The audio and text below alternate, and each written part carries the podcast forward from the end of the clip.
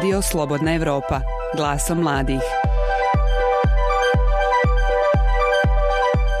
Zatvaranje, gubitak posla, izopštenost. Pojmovi koji se često spominju u vezi sa položajem mladih u celom regionu, ali i u Evropi.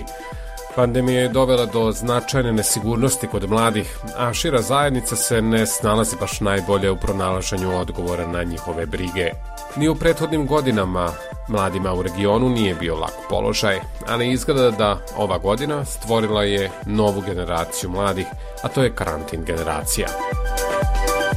O društvenim i ekonomskim posledicama pandemije još se vode debate, ali ono što je sigurno da su upravo mladi ti koji su dobrim delom na gubitku. Možda su se lakše snosili sa zdravstvenim delom pandemije, ali njihov socijalni položaj je u velikoj meri uzdrman. Ovo pokazuje istraživanje krovne organizacije Mladih Srbije.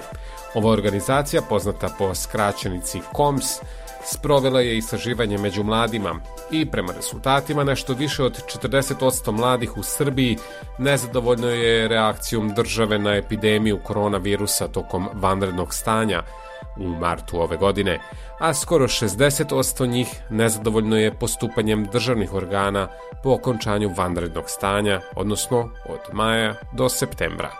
Šta ih najviše brine? Kako vide budućnost? Hoće li pandemija samo ubrzati njihov odlasak mahom u zapadnoevropske zemlje? Na ova pitanja tražimo odgovore. Sa vama je Norbert Šinković. Slušate glasom mladih. Svetlana Paramentić je 26-godišnja devojka iz Novog Sada. Ona je krajem leta ostala bez posla. Usred pandemije, osim brige za sobstveno zdravlje i zdravlje porodice, dobila je još jedan zadatak, da nađe način da stvori sebi prihode. Ona je samo jedna od onih mladih u Srbiji koji su baš zbog epidemije bolesti COVID-19 ostali bez posla. Ona u razgovoru za Radio Slobodna Evropa ističe da iako se brzo snašla i tekako osjeća teret krize.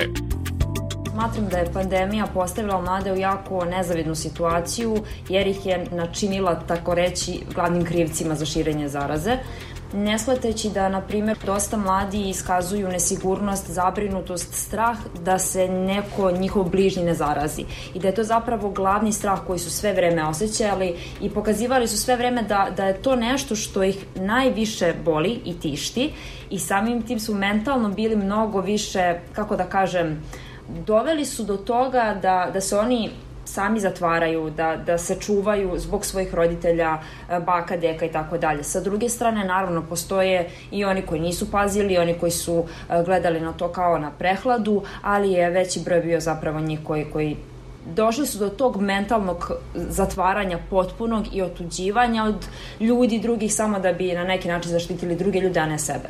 Kako ti vidiš? Kuda vodi ovakav dijalog? Pa mislim da prvenstveno nikome ne ide u prilog ovakav dijalog i mislim da e, bi trebalo da postoji više solidarnosti kako sa strane institucija, vlasti i tako dalje prema mladima, tako i obrnuto.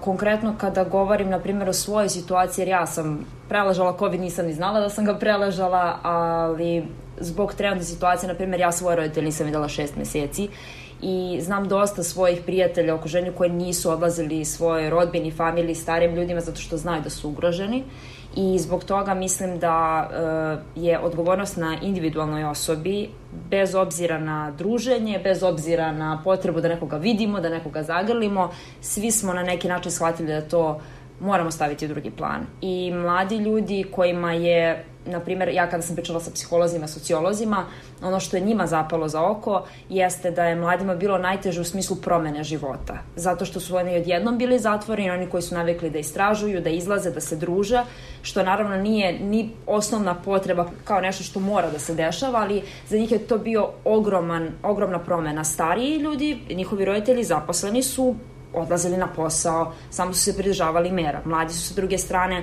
i prestali da imaju predavanja na fakultetu i prestali su da idu u srednju školu, osnovnu školu već koje su razredili godina i zbog toga mislim da je njima na neki način bilo najteže u tom korpusu, pored naravno starijih ljudi koji su za vreme, na primjer, policijskog časa morali da, da budu konstantno zatvoreni.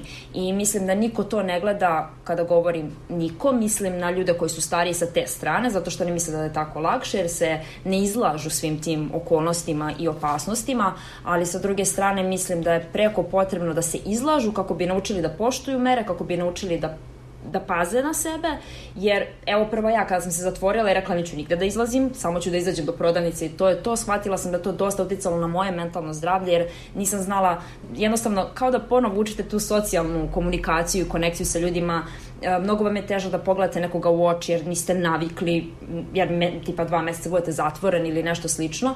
I jednostavno mislim da moramo da se prilagodimo toj novoj normali, šta god ta nova normala značila, pošto ovo će još da traje, a ljudi čekaju samo kraj. Kako je e, epidemija uticala na planove? Da li vidiš um, suštini u kom pravcu ovo ide? Uh, promenilo je dosta stvari, ali prvenstveno na tom mentalnom nivou i mislim da je dosta, dosta uticala, na primer, na to da kada ste nekako sami i kada ste kod kuće i kada imate mnogo vremena da razmišljate o nekim stvarima, onda se i pogledi uh, na svet i na razmišljanja potpuno promene. Čist primer, uh, ja sam u jednom momentu imala ispraće drugarice da se vraća ovaj, u Hrvatsku i nas nekoliko je trebalo, znali smo svi poštujemo mere, to je to da bih ja sat i po vremena pre nego što treba da odem saznala da sam bila u kontaktu sa osobom koja je bila zaražena.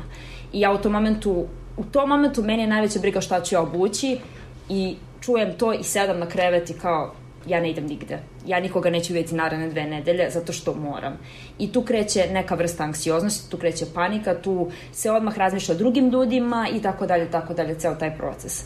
I zato kažem da mislim da smo svi došli do toga da smo shvatili da je zagrljaj mnogo bitniji od nekih drugih stvari, da je bilo kakav kontakt mnogo bitniji i da jednostavno poštujemo tuđe zdravlje koliko i naše. A u kojoj meri epidemija ubrzava ili usporava odlazak mladih iz Srbije? Konkretno u mom okruženju mislim da je dovela do usporavanja zato što e, kada dođete do toga da ne možete često vidjeti svoje roditelje, porodicu i tako dalje, mislim da se malo, kako da kažem, dođe do promene mišljenja, razmišljanja u tom pravcu odlaska, zato što onda shvatimo koliko i u ovoj situaciji kad smo jako blizu i kada smo tu ne možemo da vidimo nekoga i da nekako to vreme prolazi, brinemo za tuđe zdravlje, brinemo šta će da se desi, da li ćete nekoga videti sledeće godine, što je jako kritično. Ali sa druge strane ima onih koji se pripremaju na odlazak, jednostavno koriste ovo vreme, kupuju ovo vreme da možda sebe ovaj, usavrše u nekim pravcima ili nešto slično.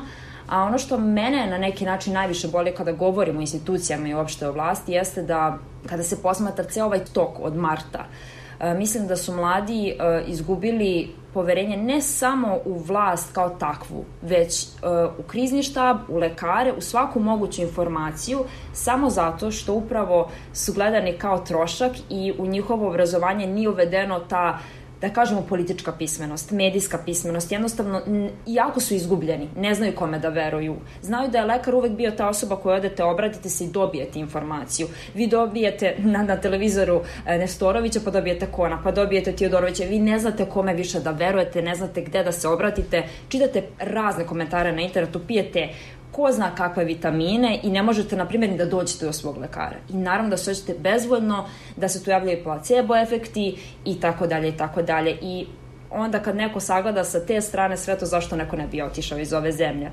Ali sa druge strane, kao što sam i pomenula, to mentalno zdravlje, uopšte ta promena percepcije života dovode do toga da se možda samo zauzmemo za sebe, da pazimo na ljude oko sebe i da gradimo nas. Sad, da li će to biti u Srbiji ili ne, to je druga stvar, ali vidjet ćemo nakon pandemije, ko zna. Neko je čak i uspio tokom pandemije da ode, na primjer, studenti na Erasmus ili neko slično putovanje, tako da ljudi nailaze na načine i trude se, ali je naravno ovo vreme kada stvarno treba preispitati sebe i treba naći taj neki svoj put. Slušate podcast Glaso mladih. Prethodne epizode pronađite na slobodnaevropa.org ili na Google i Apple podcast aplikacijama. Mladi kao posebna društvena grupa duboko su pogođeni tokom pandemije. Prema Departmanu za ekonomske i socijalne poslove Ujedinjenih nacija, mladi ljudi mogu imati ključnu ulogu kako u upravljanje krizom, tako i u oporavku nakon krize. Ali šta se dešava u trenutku krize? Međuagencijska mreža za razvoj mladih te međunarodne organizacije, odnosno Ujedinjenih nacija, sugeriše da mladi već sada doprinose podizanju svesti u pandemiji i jačanju veza i ta organizacija ističe da je od presudne važnosti prepoznati i kakve utice pandemija ima na mlade ljude i njihova prava kao što su pravo na zdravlje, sigurnost, zaposlenje, obrazovanje, učešće, inkluziju, mir i sigurnost. Krovna organizacija Mladih Srbije je posvetio jedno istraživanje pitanjima pandemije COVID-19 i time je ukazao na značaj ispitivanja i istraživanja posledica pandemije na mlade. Istraživanje se bavilo uticajem covid na mlade tokom vanrednog stanja u Srbiji, koje je trajalo, kao što smo rekli, od marta do kraja maja, ali i uticajem epidemije nakon tog perioda sve do septembra. Više od hiljadu mladih ljudi je anketirano, objašnjava programska saradnica Komsa Anja Jokić u razgovoru za naš podcast. I negde kao najbitniji zaključak bi a, istakla prvo da to zaista mladi jesu strahovali prvo za druge, to je možda nešto što, što a, uglavnom je a, nepopularno mišljenje, odnosno ne, ne predstavlja stvarno sliku, a to da mladi zapravo brinu za, za svoje bližnje, za svoje najbliže prijatelje, porodice i tako dalje, pre nego za sebe i to negde nama je statistika a, je i pokazala, dakle da su oni u tom smislu osjećali veću zabrinutost, takođe da su oni bili zabrinuti za, za svoje pravo na rad, za svoje pravo na obrazovanje, um, obzirom da i tržište rada i obrazovanje dosta su bili a, izmenjeni u toku pandemije. Tako da možete neki sad takođe da osim što su brinuli za druge, um, oni su se veoma pridržavali mera, negde to nije bilo u skladu sa onim kako su, kako su mladi bili predstavljeni u medijima kao najneodgovornija grupa građana i građanki, gde je naša statistika pokazala da se oni zapravo jesu pridržavali i mera a, fizičkog distanciranja i a, mera zabrane okupljanja i tako dalje. Kada govorimo o onom segmentu koji se odnosi na obrazovanje, videli smo da posebno su uh, oni bili ugroženi koji su u manjim uh, manjim sredinama. Šta je ono što vi vidite u tim, tim podacima? Koje su vaše preporuke? Šta možemo učiniti s obzirom na to da će ovaj period očigledno da se prolongira i najverovatnije će i naredna godina a, mahom biti u znaku a, online nastave ili online aktivnosti? Pa onako vidimo nešto što može biti problematično. Prvo zato što ovaj, pravo na obrazovanje imaju svi mladi. Kažem mladi zato što uglavnom se mla, kategorija koja potpada pod mlade obrazuje, posebno kada je reč o srednjoškolskom i donekle osnovnom obrazovanju, isto tako i visokom fakultetskom. Ali da, može biti problematično zato što to neko obrazovanje koje je obavezno ne mogu da dobiju svi mladi ljudi, posebno oni koji dolaze iz nekih manjih sredina kao što si napomenuo i može se pretpostaviti da su to i neke najugroženije kategorije mladih. Dakle, verujemo da i, u, da i u gradovima postoje mladi ljudi koji prosto nemaju uslove da prate online nastavu, bilo a, prostora u kom mogu da prate, bilo sredstava kao što su laptopovi, a, računari, telefoni i tako dalje i dobra i stabilna internet konekcija koja je prosto preduslov. A, možda su zapravo ti a, dani koji su oni provodili u učionicama ili, ili gde već bili jedini, gde su, odnosno vrijeme je bilo jedino koje su oni mogli da posvete svom obrazovanju. Tako da se postavlja pitanje ne samo kakvo je obrazovanje za sve, već kakvo je obrazovanje za neke najugroženije mlade. Veliki broj mladih je smatrao da prosto a, to neko njihovo online obrazovanje, odnosno ono koje su a, obrazovanje koje su oni mogli da dobiju online putem a, nije dovoljno kvalitetno i nije dovoljno dobro za njihov lični a, napredak a, i njihov razvoj, prosto da ne, ne ispunjava te neke njihove kriterijume i zapravo bio zanimljiv podatak da su mladi muškarci više smatrali da ovako obrazovanje nije adekvatno nego mlade žene. Um, ono što mislim zašto bih ja, šta bih ja pomenula da je, da je možda razlog tome jeste prosto i kakva je bila spremnost. Svi smo, svi, za sve ovo bilo novo, čak i za nas koji radimo u civilnom sektoru i nama je trebalo vreme da se adaptiramo, verujemo tako isto i institucijama, verujemo a, i profesorima i profesorkama, nastavnicima i nastavnicama e, i sad se postavlja pitanje koliko su zapravo i, i ustanove, a i obrazovni kadar imali resursa da odgovore na ovakvu situaciju. Dakle, da li su prosto znali šta je to Zoom, na koji način se koriste, da li su imali plaćene premium, jer zapravo znam iz dosta primjera, recimo posebno sa studentinjama, studentima i studentkinjama u razgovoru, jeste da recimo ograničenje 50 ljudi, da, a recimo to predavanje bi trebalo da sluša 150 ljudi i onda se malte ne bore ko će prije da uđe na link i da, da, da prisustuje obrazovanju, što je problematično obzirom da veliki broj njih zapravo i plaća za svoje obrazovanje, dakle neki jesu ne, na, o trošku države, odnosno o budžetu su, ali veliki broj njih zapravo mora da plaća za, za obrazovanje, pitanje da li će uopšte dobiti pristup. Takođe, da li su profesori i profesorke i nastavnici i nastavnici uopšte uh, upućeni na koji način, koje to sve online alati postoje. Dakle, opet kažem, čak i nama u civilnom sektoru je trebao neki period da se priviknemo, da naviknemo šta to može da zameni tablu, svesku ili bilo šta slično i da li uopšte to može da bude i približno onako obrazovanje kako bi, kako bi um, svi mladi dobijali uživo. Nešto više od 40% mladih smatra da je imalo manje prihoda tokom vanrednog stanja. Uz to ide i pad produktivnosti generalno kod mladih. Kako vi gledate iz, iz Komsa na, na ove podatke? U kojoj meri je ovaj pad, odnosno procenat, govori o položaju mladih generalno i o, o toj sigurnosnoj socijalnoj mreži koja koja u nekim državama stoji da bi upravo u ovakvim situacijama pomogla mladima. Veli mladi u ovom momentu imaju na raspolaganju podršku i e, sredstva i programske, programske fondove koji mogu da pomognu da prosto prežive ovaj period. Nažalost nisam baš sigurna koliko bih mogla da dam a, potvrdan odgovor na ovo i negde, osim što smo mapirali ove određene podatke, mi smo i davali preporuke, odnosno davali su stručnjaci i stručnjakinje iz različitih oblasti, a, ali to je negde i jeste zapravo preporuka. Dakle, pitanje je kakvi su ugovori a, koji se, da li uopšte mladi koji rade imaju ugovore, da li rade na sivo, da li rade na crno tržište, a, oni koji imaju ugovore, koliko su a, oni obavezujući za poslodavca, ostalo mi za njih, ali prosto koliko njima sigurno sigurnosti pravne daju. A, tako da onda pitanje uopšte pod kakv, u kakvim uslovima mladi rade koje rade. Um, takođe negde da, da podvučem da je prosto bitno da su sve mere koje se donose bilo um, finansijske, bilo privredne neophodno da se uključi perspektiva mladih. Dakle, ovo nije jedino istraživanje koje mi radimo, imamo i alternativni izveštaj o položaju potrebama mladih koje objavljamo svake godine i negde je cilj da ono služi donosiocima i donosilkinjama odluka kada, kada donose ove mere i da znaju šta su to konkretne potrebe mladih i u kakvim oni uslovima e, rade ili šta smatraju da je potrebno poboljšati. Isto tako, osim kroz ove kvalitativne i kvantitativne podatke, oni se mogu uključiti kroz određena radna tela, dakle bilo da su pripadnici i pripadnice nevladinog sektora, mogu se uključiti kroz različite um, upitnike, recimo kom se jeste tako uključivo mlade kada se donosio um, akcioni plan um, jako veliki broj mladih je uspeo zapravo na ovaj način da uključi, tako da prosto je potrebno uzeti perspektivu mladih a, i mapirati je, prosto u kakvim uslovima oni rade i funkcionišu, kako bi ti uslovi trebalo da se poboljšaju.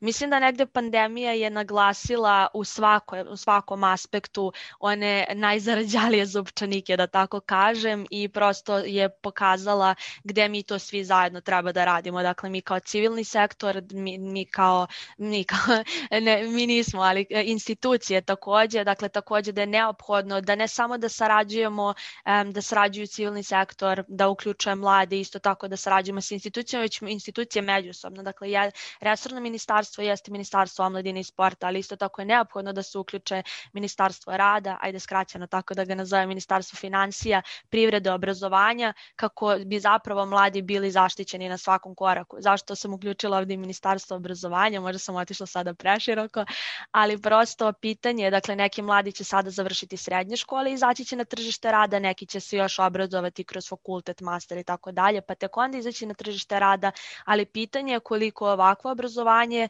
koje, odnosno obrazovanje koje oni mogu da dobiju, na koji način će oni moći um, da zadovolje, odnosno zadovoljava potrebe tržišta rada i pogotovo ovakvim izmenjenim uslovima jer su izmenjeni i jedno i drugo. Naravno, obrazovanje ne treba samo da zadovoljava potrebe tržišta rada, već i da pruži prosto um, znanje i da ohrabri mlade i prosto da ih obuči, da oni budu aktivni građani građani i građanke, ali prosto naravno jeste bitno dosta za njihovu nezavisnost. Da se vratim zapravo na svoje pitanje, jeste vrlo nam je bitno da se očuva finansijska nezavisnost mladih, jer čini se da oni i negde zašto je toliko i veliki ovaj, broj godina um, u koje spada kategorija mladih jeste zbog te nezavisnosti. Jako je teško stiču i onda je veoma bitno da u ovakvim uslovima se očuva njihova nezavisnost, a ne da budu mladi prva kategorija građana koja će izgubiti finansijsku nezavisnost ili koja će izgubiti poslove jer prosto ne, nemaju ugovore koji ih uopšte štite ili koji ih dovoljno štite. Imate jedan uh, interesantan, a da ne kažem zabrinjavajući podatak isto u tom istraživanju, to se odnosi na uh, nasilje tokom vanrednog stanja. Šta je pokazalo vaše istraživanje koja vrsta nasilja je najprisutnija? Najprisutnija je bila, uh, bilo nasilje uh, online i prosto to je negde u uslovi u kojima je postala fizička izolovanost, tako da je um, prosto i donekle i logično i svakako jeste, uvek je teško govoriti o nekim zabrinjavajućim podacima da, ne, da se ne kaže da su interesantni, jer prosto takvi podaci uvek najčešće iskreću pažnju ljudi, onda kao kako, kako predstaviti to, ali svakako da, bilo je e, na prvenstveno online nasilje i to nije, nije nešto što je novo, jer smo i mi u prethodnim istraživanjima pokazali da mladi um, dosta su izloženi posebno online nasilju, ali svakako jeste došlo, došlo do porasta. Čini mi se da je statistika recimo u alternativnom oko 38 procenata, da je ovde oko 50-56 um, i prosto, a razlika je u nekoliko meseci samo ovaj, uh, u popunjavanju, dakle nije isto, nisu isti mladi ljudi popunjavali, ali vidi se, vidi se ta razlika.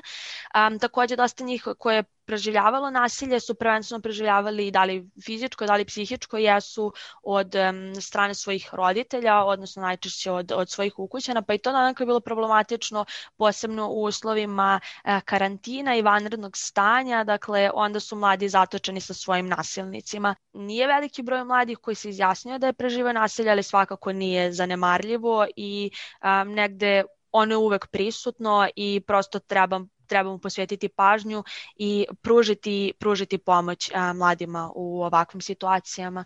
Ako posmatramo sve ove podatke e, suštini zajedno u širem kontekstu i rast e, nasilja, neki način loš uticaj same izolacije na njih i dodamo još jedan podatak koji se nalazi u, u tom istraživanju, to je da 25% ispitanika niti jednog trenutka nije osetilo optimizam u pogledu, pogledu budućnosti. A ako posmatramo ove podatke i dodajemo onaj već, da kažem tako, poznati trend odnosa e, mladih e, prema zajednici široj, govorimo o odlasku o odlasku mladih. Da li ste tu zabeležili eventualno rast ili neke promene u odnosu na prethodni period? Mladi, mladi žele da, deo mladih želi da um, ode iz um, države. Dakle, on nije toliko veliki, negde oko četvrtina mladih želi da ode iz države. Isto tako četvrtina ne želi da ode. Međutim, oko onaj ostali deo uh, zapravo uh, smatra da trenutno ne žele, ali o tome aktivno razmišljaju.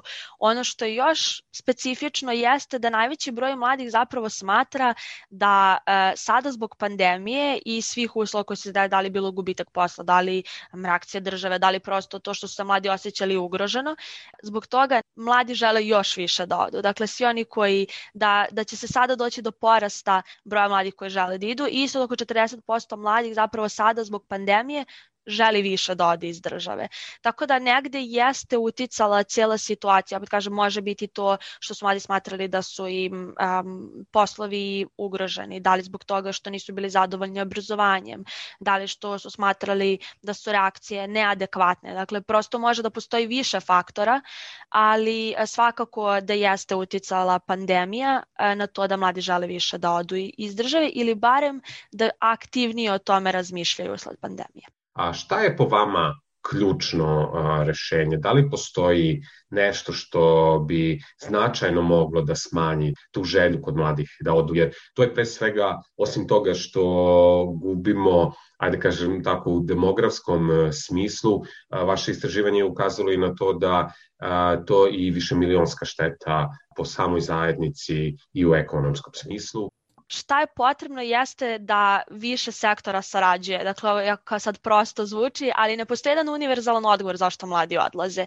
I sada potrebno je da imamo bolje radna mesta za, za mlade, bolje uslove rada za mlade, potrebno da za njih imamo bolje obrazovanje, potrebno da oni budu više uključeni u procese donošenja odluka koji se, koji se njih tiču. Prosto sve te stvari utiču um, na to da je kvalitet njihovog života bolji i najčešće ono što prethodna neka istraživanja su nam pokazala da mladi najčešće idu zato što žele bolji kvalitet života. Tako da ukoliko bi svaka od ovih oblasti uključila mlade i stavila veći fokus na njih, zapravo bi uticalo značajno na kvalitet njihovog života i želju da oni mislim, nadamo se, žele da ostanu ovde. Tako da, eto, to se kroz sve naše nedonekle i programe i, i ove istraživanja provlače da je prosto nužna ta međusektorska saradnja, jer nas onako dobili smo pitanje, a zašto vi se vi trudite da sarađujete sa institucijama? Pa zato što sve što ovaj, nevladin sektor, odnosno sektor civilnog društva organizuje je najčešće programskog tipa, odnosno projektnog, ne programskog, to je, to je ono što gde je caka i prosto potrebno je da ovi programi i sve mere koje su usmerene na mlade budu dugoročnije. Dakle, mi imamo, e, mi smo u mogućnosti da određene dali nekoliko meseci, koja sreća nekoliko možda godina posveti određenom, e, određenom programu, ali prosto je potrebno da ove mere budu dugoročnije i da prosto postoji ta, kako mi zovemo, sistemska briga o mladima. Tako da iz tog razloga je neophodno da, da, da postoji veća umreženost kako samih institucija, tako i institucija sa civilnim sektorom. Slušate podcast Glaso mladih. Kao što ste čuli, sa jedne strane javna percepcija u Srbiji je takva da mlade optužuje za neodgovornost u vremenima krize, a istovremeno spomenuto istraživanje govori o tome da velika većina mladih se pridržava propisa i ponaša se odgovorno. Kakvu ulogu imaju mediji u stvaranju iskrivljene slike o mladima i koji su dugoročni efekti takvog odnosa prema toj kategoriji društva, pitali smo od docentkinje na oceku za medijske studije Filozofskog fakulteta u Novom Sadu, Smiljane Melinkov. Pa, sem osnovne uloge koju mediji imaju, a to je informisanje, mediji imaju ključnu ulogu i u kreiranju određene e, slike određenih grupa, pa samim tim i u prenošenju stereotipa i, i predrasuda. Takva je situacija i u vezi sa mladima. E, mladi su medijski marginalizovani, mladi nisu tema, sem nekih specijalizovanih medija čija ciljna grupa jesu mladi mladi postanu tema tek kad postignu neki vanredni uspeh tada se mediji bave mladima. A, s druge strane, a, znači sve ono što jesu brige, problemi mladih, njihovo mišljenje, to medijima nije a, važno, a opet stvorila se slika slika o mladima e, i ona je dominantna, nažalost, jeste da su apatični, da su nezainteresovani, da su lenji, da su samodovoljni i tako dalje, a u stvari e, mladi su samo ogledalo društva. I, i uspostavljenog sistema vrednosti u jednom društvu i, i u stvari oni su rezultat e, načina na koji se društvo uopšte bavi mladima. Jako je važno u medijima izbegavati generalizacije. Svaki mlad čovek, svaka mlada žena je ličnost za sebe. Koji su efekti konstantne stereotipizacije u negativnom kontekstu? Naj, najgora po, i najteža posledica je upravo to da deo mladih, znate kad vi nekog non stop prozivate i napadate, onda taj neko i, i počne da, da prihvata, pa kaže pa možda i ja nisam baš onakav kakav bih želeo da bude, možda se zaista i ponašam tako. I to je u stvari, posledice mogu biti dugoročne po mom nekom ličnom mišljenju, zato što se mladi i dalje guraju i negde stavljaju po strani, da, vi niste dobri, e, zatvorit ćemo vas, ćutite i sedite. Na taj način e, plašim se da se zaista za, neko dugo, za neki dugoročni period e, urušava i, i, i potreba mladih da iznesu svoje mišljenje, da, da kritikuju, da, da, da imaju svoj stav, jer stalno se čuškaju po glavi, vi ste ovako i nema šta sad da pričate. Znači, ne slušamo dovoljno, dovoljno mlade.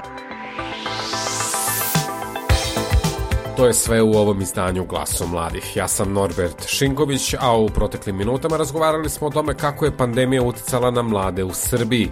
Govorili smo i o tome kako prevazići izazove nakon ove zdravstvene i društvene krize, a posebno su se bavili ulogom medija u tom procesu. Ukoliko ste propustili prethodne epizode, možete ih pronaći na našem sajtu ili na Google i Apple podcast aplikacijama. Potražite naše druge sadržaje na slobodnaevropa.org, na društvenim mrežama Facebook, Twitter, Instagram i YouTube. Čuvajte se i do sledećeg slušanja.